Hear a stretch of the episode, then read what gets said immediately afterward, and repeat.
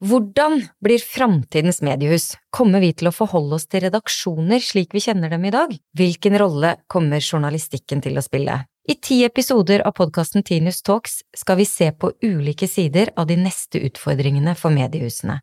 Hvem er de nye mediebrukerne, hvordan vil mediene gjøre hverdagen vår bedre, og hva vil de bety i samfunnet? Og jeg som snakker, heter Kjersti Løken Stavrum og er daglig leder i stiftelsen Tinius.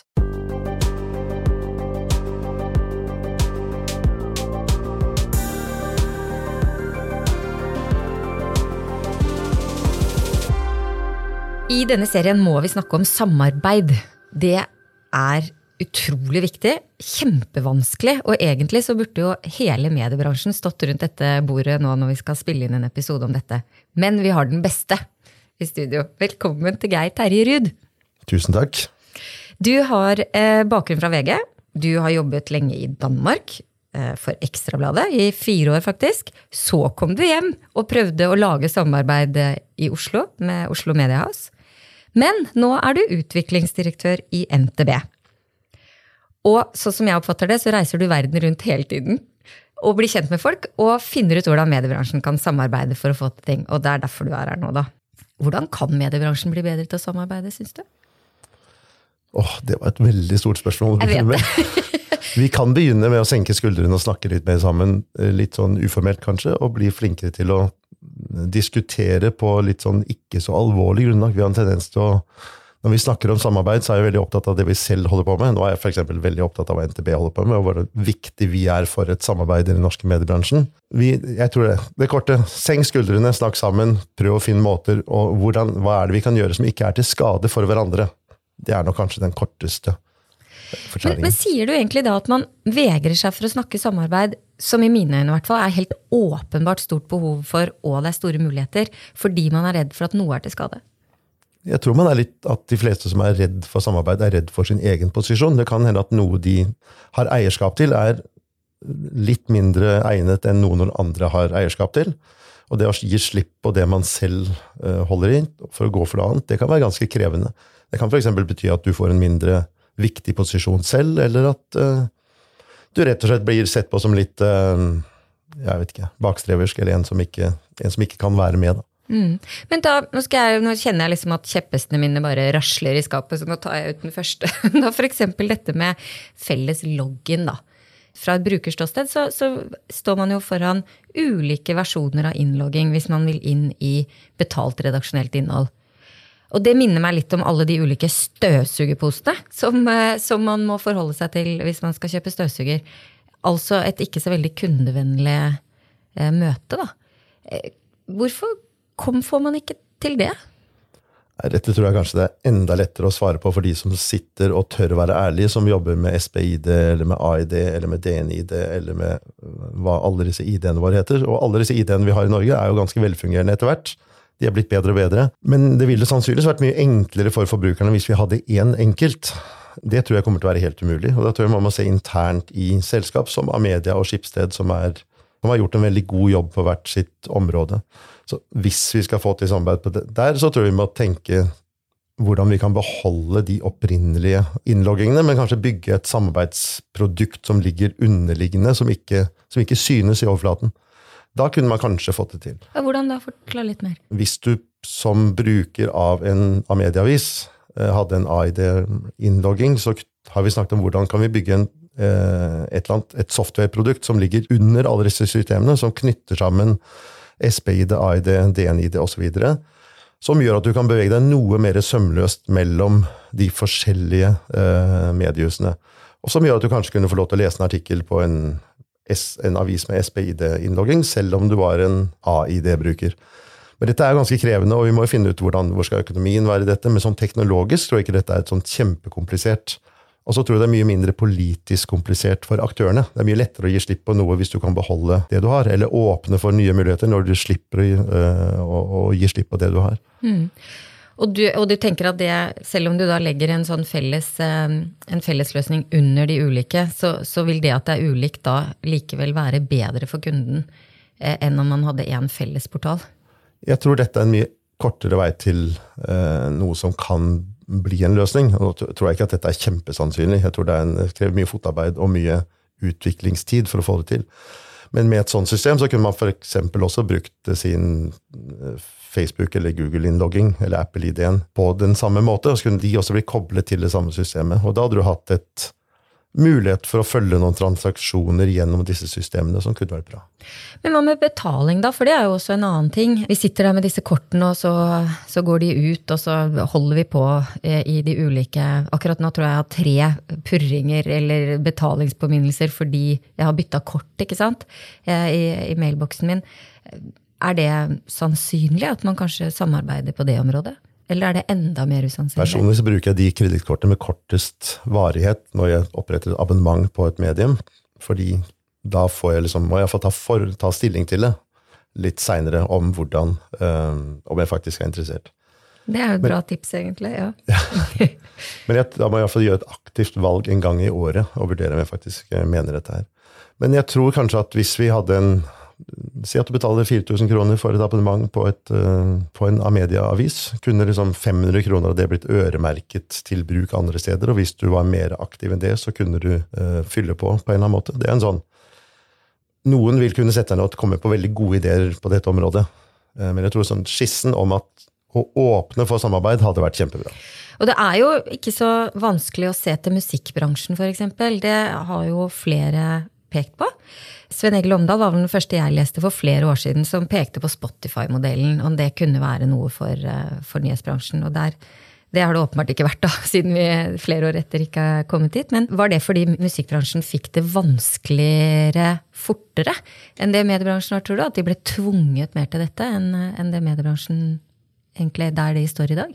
Altså, Mediebransjen gjorde noe riktig fra starten, og det å på en måte gjøre seg selv relativt tilgjengelig for forbrukerne, så de fikk et forhold til dem spesielt i Norge og Sverige, hvor de var langt fremme. Hvis mediebransjen ikke hadde, blitt, hadde valgt å være så modige, så ville situasjonen her oppe tror jeg vært veldig alvorlig per i dag. Ville, det kunne vært veldig bra for f.eks. Nettavisen, som hadde vært en som kunne gått enda hardere ut i markedet. Eh, hvis vi hadde bygget, jobbet med, med betalingsmurer og sånt noe fra, fra starten på 90-tallet.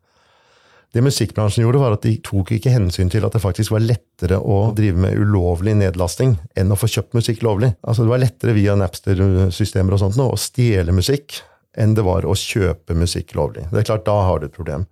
Og så tok det lang tid før bransjen egentlig var interessert i å snakke om nye løsninger. Og da Spotify og den type produkter, eh, Tidal og sånt kom, så, så blir jo det et svar på det som de kanskje burde tenkt på mye tidligere. Problemet er jo at sånn som Spotify er jo ikke lønnsomt per i dag, så vidt jeg vet. Det er altså en sånn, Du har all verdens musikk, og du alle i hele verden hører på det.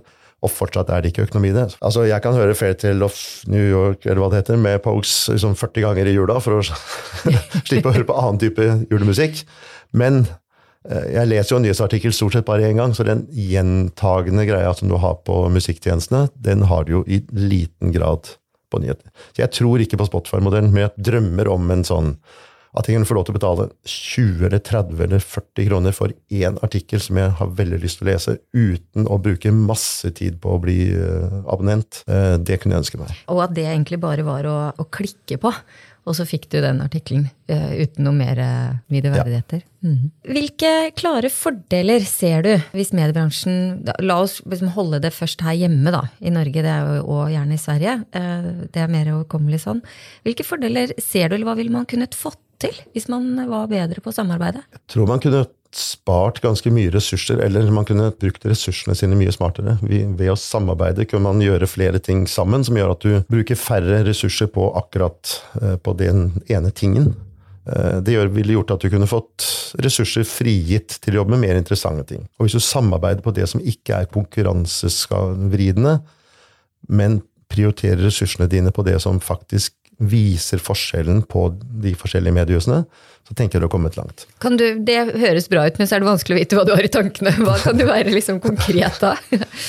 Ja, Et eksempel som vi har jobbet litt og snakket litt med noen, eh, eller begynt å snakke med noen av økonomimediene i Norge, og sagt de bruker ganske mye ressurser på å overvåke markedet, som de sier. Børsmeldinger, eh, laksepriser, oljepriser, valutakurser, alle mulige sånne ting.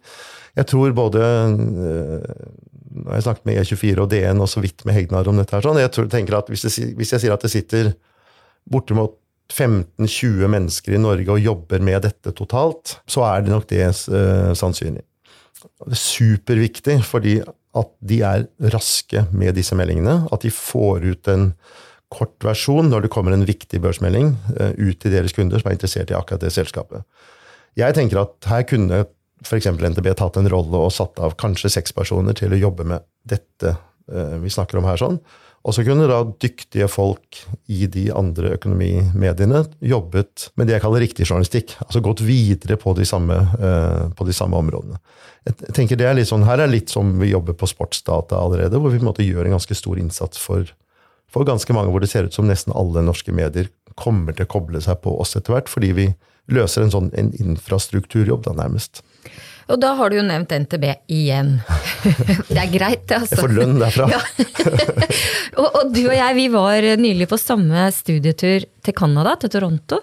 Eh, og de vi besøkte der, var jo Canadas versjon av NTB, som nå har fått en mer aktiv rolle i å skape samarbeid i mediebransjen i Canada. Og det syns jeg var veldig besnærende, egentlig. For å ta den eh, typiske journalistkritiske tilnærmingen, har NTB vært for dårlige på å liksom, skape samarbeid i bransjen? Dere er jo tross alt en aktør som eies av nesten alle mediehusene i Norge. Og dere har 150 års erfaring med å samarbeide med den samme bransjen. Men så, ja, så i den digitale alderen så er det kanskje mer å hente? Altså, for ikke å snakke om bare NTB, da, men også snakke om andre internasjonale nyhetsbyråer, så er det mange som opplever at selv om du har hele bransjen som eiere, så er det ikke alltid at det bidrar positivt. For øyeblikket har vi et fantastisk bra styre, og det vi kjører på som, som bare det. Men eh, man kan også se at selskap som ikke er store samarbeidspartnere på utsiden, heller ikke klarer å samarbeide når de kommer inn i et styre i et selskap som ikke nødvendigvis NTB, men han kan si det også. I NTB er vi langt fremme i forhold til eh, de andre selskapene som vi kan sammenligne oss med. Vi har eiere som vil oss vel, og som lar oss få lov til å gå inn i denne type diskusjoner og se om vi kan, eh, vi kan ta en sterkere posisjon. Så hva er da din eh, visjon for NTB som type fem år fram i tid, da? Hvor, hvor, skulle du ønske at dere klarte å være da? Jeg skulle i hvert fall ønske at vi klarte å identifisere flere områder hvor vi kan løse oppgaver for ganske mange av kundene våre. Hvis det er mer enn tre av våre kunder som har behov for å få løst en oppgave, så er det sannsynligvis fornuftig at vi løser det for de tre. Hvis det er 30, ja, men så er det på en måte en, en no-brainer at det er en god idé. Jeg håper vi klarer å ta en sterkere posisjon og støtte opp om selskapene som ønsker å effektivisere driften sin og frigjøre midler til å drive med mer av den, si, den frie journalistikken.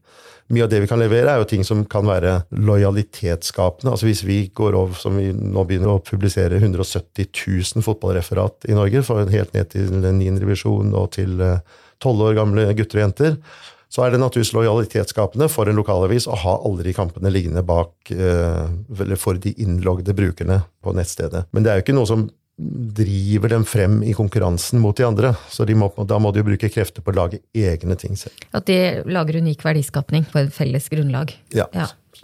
Så gjør det at du kan, holde, du kan uh, beholde lojaliteten hos brukerne dine noe lenger, fordi du faktisk gir dem mer innhold som de syns er relevant, hvis barnebarnet ditt har spilt fotballkamp, f.eks. Mm. Det er ikke så mange som dekker det. Eh, nei, det er jo ikke det. Men det er en Heldigvis. veldig interesse for ja. oss som vil lese om akkurat den kampen. Ja. Hvis 170 000 fotballkamper har 100 lesere på hvert referat, så blir dette ganske bra tall etter hvert. Men det er ikke sånn at jeg tror ingen av de 170 000 referatene vil, eller bør kanskje, bikke 1000 lesere. Det er jo ikke det som er målet. Nei, da er det i tilfelle noe helt spektakulært som har skjedd på den kampen, og da bør det kanskje være i andre Da kan det være at fotballroboten har gått amok. ja, da kan det være det er liksom nyhetsstoff på en helt annen måte, uten å spekulere mer enn det. Men vi hadde uh, nylig Amy Webb på besøk i dette studio. Hun er jo relativt godt kjent i mediebransjen. Futurist, uh, god til å spotte trender. Det er det hun egentlig lever av. Og hun var veldig opptatt av at mediebransjen burde dempe jaget etter eh, å lage mer og mer innhold, og heller bli flinkere på å lage en eller sterkere unik distribusjon av dette innholdet. Fordi hun var veldig klar på at uh, disse store teknologiselskapene, f.eks. Facebook, ikke er en venn av mediebransjen. Og når jeg sier det, så er det jo fordi at jeg håper at du kan bite og si at ja, der gikk det an å gjøre noe. Tror du det? Altså, Distribusjon er det aller viktigste vi jobber med i det selskapet jeg jobber med, TTV. for tiden. Fikk sagt det igjen. er snart content marketing, ja. Eh, det å treffe kundene våre med det innhold som er Altså, vi er en business-to-business-leverandør, så hvis vi treffer våre kunder med innhold som deres brukere igjen har nytte av, da treffer vi det veldig bra. Og så tror jeg vi kommer til å dramatisk øke antallet artikler vi kommer til å produsere, men de vil være produsert av automatisering. Og så tror jeg at NTB det skal synes jeg nyhetsredaktør Sara Sørheim bør svare på i stedet, men jeg tror NTB kommer til å lage flere litt sånn lange, grundige uh, artikler. Flere av den typen som journalisten også liker å levere. Til at vi sikkert kommer til å levere inn til nyhetssenteret og sånne ting på en helt annen måte. Men jeg tror vi kommer til å se at vi frigjør ressurser, så vi kanskje tar ned antall artikler. De artiklene vi lager, blir eller, menneskeskapte artikler. De artiklene vi lager, bruker vi mer tid på. Og så er det en masseproduksjon av artikler som er sånn passe interessante, fordi det handler om ting som kan automatiseres. Da snakker vi om fotball og boligsalg og økonomi og konkurser og alle mulige sånne ting. Ja, for det er klart at Når du snakker om automatiserte artikler, så er jo det typisk, eh, eller vil vel gjerne ofte være saker som er kanskje av spesielt interesse for noen. Men men der hvor NTB hadde sitt utgangspunkt, så var det jo egentlig at man lagde tilgjengelig felles stoff, og at avisene trykket faktisk det samme innholdet via NTB-bylinen. Men i den digitale tid så gir det jo egentlig ikke så mye mening at alle lett tilgjengelige digitale aviser har det samme innholdet.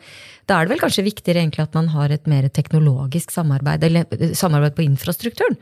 Ja, altså jeg tenker jo at sånn, Robotjournalistikk egentlig handler mest om infrastruktur. Det handler om å få produsert en masse ting som er nødvendig for å skape en, sånn, en basis for at du kan drive med ordentlig journalistikk på toppen av det. Um, skal jeg ikke fornærme de som driver med robotjournalistikk. Eller fornærme robotene? Nei. nei da. Nei, det går bra. Men jeg tror det er et uh, Nesten alt vi gjør som, av nye ting på et samarbeidsområde, handler jo om, om teknologi. Det er jo teknologi som ligger i bunnen. Både på masseproduksjon og på distribusjon, og sørge for at de riktige kundene får de riktige tingene ved å automatisere tagging av artikler, så vi fanger opp hvilke av våre kunder som har nytte av de forskjellige artiklene vi produserer. Hvordan vi kan tagge, eh, automatisk tagge bilder med bildegjenkjenning, så vi også sender bildene til de kundene som har bruk for det. Jeg tror det kommer til at Teknologi kommer til å ligge i bunnen for mye av dette samarbeidet. Og så tror jeg igjen at eh, teknologi kommer til å eh, Vi sier at vi skal bruke teknologi til å endre måten vi produserer, distribuerer og konsumerer innhold på. Det er sånn passe Passe stort? Passe stort. ja, det vil jeg si. Kan fylle mye inn i det. Ja. Men du har jo en, en, helt unik evne til å knytte kontakter rundt omkring i verden, og, og reiser jo mye og speider mye.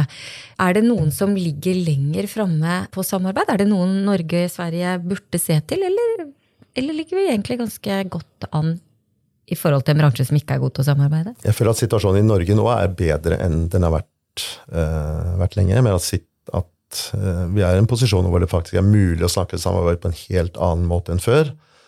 Eh, Norge er på ingen måte et eh, håpløst tilfelle i verdenssammenheng. Det er mye verre de fleste andre steder, hvor det er mange flere gamle menn i dress som sitter på hver sin topp og passer på tingene sine. Så i Norge nå tror jeg faktisk det er en mulighet til å få til ting. Vi kan bare se til naboene til Danmark, hvor jeg har jobba mye, og, og sånn sett hvordan Eh, det har vært en totalt tilspissa kamp egentlig mellom de private mediene og Danmarks Radio, som jo endte med at de private mediene til sist fikk medhold i at Danmarks Radio eh, var for sterke. Myndighetene kutta egentlig én milliard, men først en halv milliard, som Danmark Radio måtte spare vekk. De pengene ble jo bare borte fra mediebransjen. De, i, de endte jo som skattelettelser til folket, i stedet for å styrke andre deler av mediebransjen. Så det endret egentlig ingenting, bortsett fra at Danmarks Radio fikk trimma organisasjonen en god del. Jeg håper at vi klarer å få til en, en annen type dialog i Norge mellom eller at vi klarer å fortsette en ganske god dialog mellom de store mediehusene og, og, ikke minst de offentlige aktørene. Ja, og da er det jo egentlig NRK vi snakker om eh, her hjemme. Og, eh, og vi har jo hatt både liksom litt tilspissa, men også forsøksvis konstruktiv samtale om hvordan, hvordan kan NRK bidra til eh, å styrke mediemangfoldet, og har de noe å by på i dette? Og vi skal være så ærlige å si at det, det har jo vært litt, eh, litt tungt framover, og det er jo blanda tilbakemeldinger, sånn som jeg hører, i hvert fall, på hvor, hvor bra man syns eh, samarbeidet har gått. Og nå lagde jeg ikke sånn samarbeid med Gåstein, men det kunne man jo også ha gjort i noen, i noen henseende. Men hva er din tilnærming til denne problemstillingen? Og så er NRK venn, fiende eller frenemy, som jo er eh, et, veldig et velbrukt uttrykk? det først skal vi være veldig glad for at vi har et sterkt og godt NRK i Norge. Det er sånn, eller De land som tar seg råd til å ha en god broadcaster, sånn nasjonal broadcaster, kan være, skal være glad for det. Så jeg tror at det kan, de som har den posisjonen som NRK, BBC og Damas Radio osv. har, må på en måte være seg sitt ansvar bevisst og se hvordan de kan bidra til å styrke ikke bare sånn kunnskapsnivå i folket, men også sånn de andre medieselskapene, for å bidra til mediemangfold. Noe av det de gjorde bra for en del år tilbake, var da de begynte å bygge opp altså da NRK og ikke minst TV 2 da, eh, kjøpte tjenester av selskap som Monster for å lage, for å produsere TV-sendinger. Det gjorde at det ble bygget opp en ganske stort og godt eh, eksternt produksjonsmiljø for TV i Oslo, blant annet, som gjorde at det var ganske mulig for ganske mange å kjøpe tjenester fra disse, som ble billigere å ansette mennesker. Jeg er sikker på at NRK også sparte penger på dette i stor stil. Pluss at det ble mulig også for en helt ny aktør som VGTV å kjøpe seg tjenester fra veldig profesjonelle eh, leverandører på et, eh, på et, ganske tidlig tidspunkt. Kunne vi se for oss at vi fant andre områder, også kanskje innenfor nyhetsjournalistikken, hvor vi sa ja, men hva, er det noe NRK kan outsource som vil styrke resten av bransjen?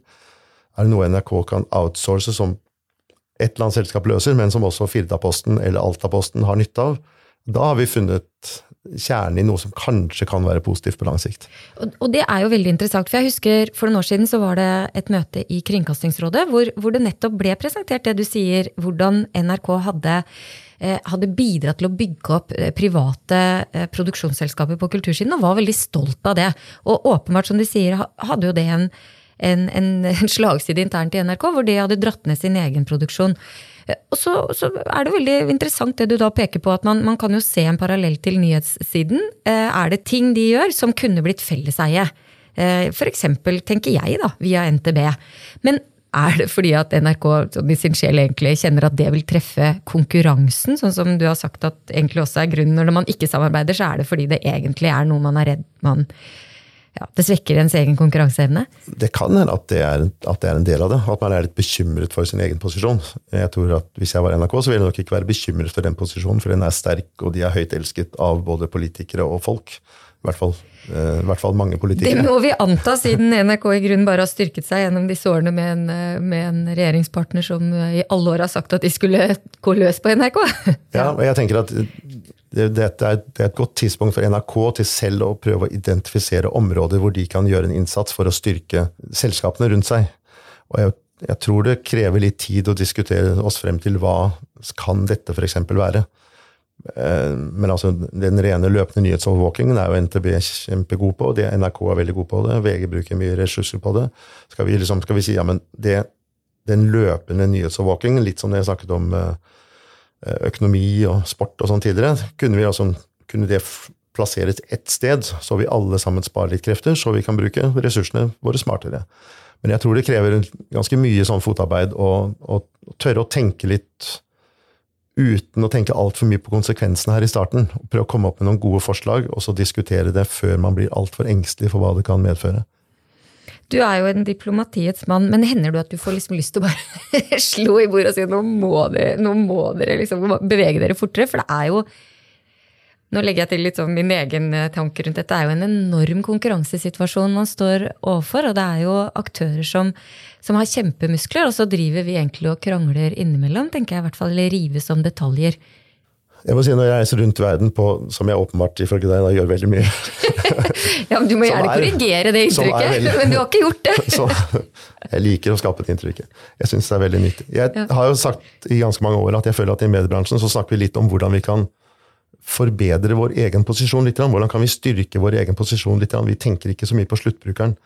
Hvis du drar på South by Southwest eller tilsvarende, som jeg ikke har vært på på mange år, for det blir for mye folk, så er det egentlig mer interessant å følge et sånn, å følge teknologiløp på helseteknologi enn det er å sitte og følge mediediskusjoner. For i mediebransjen vil vi snakke om hvor vanskelig det er, og du har Google og du har Facebook og sånne ting. Men det er jo ikke noen grunnleggende forslag til hvordan kan vi faktisk komme videre. Hvis du ser på de som driver med helseteknologi, så er det, som, det er jo ett mål, og det er å gjøre livet bedre for folk. Og hvis vi hadde klart å hoppe over alle de tankene om hva som er viktig for oss som medie og som ansatt i mediebransjen, så tror jeg det hadde kommet mye lenger. Uh, hvis jeg får lov til å skryte enda mer så skrev jeg en bok for noen år siden om entreprenørskap i mediebransjen, og egentlig, egentlig var det mangelen på det. Men en professor i Bergen som heter Alexander Cappelen, tror jeg, på Handelshøyskolen, sa noe veldig klokt. Det er som er at Han tror egentlig at, at, at mediebransjen må oppleve den totale krise før liksom invasjonen virkelig kommer i gang.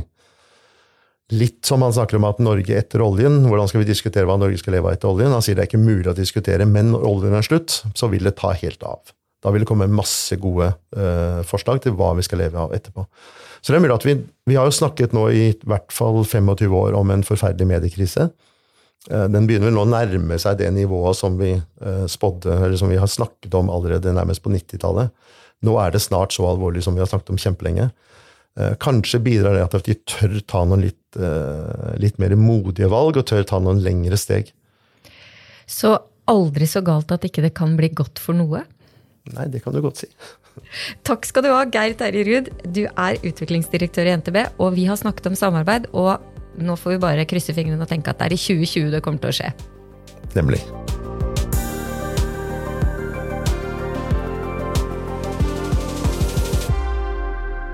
Denne podkasten er produsert av Hansine Korslien for Stiftelsen Tinius.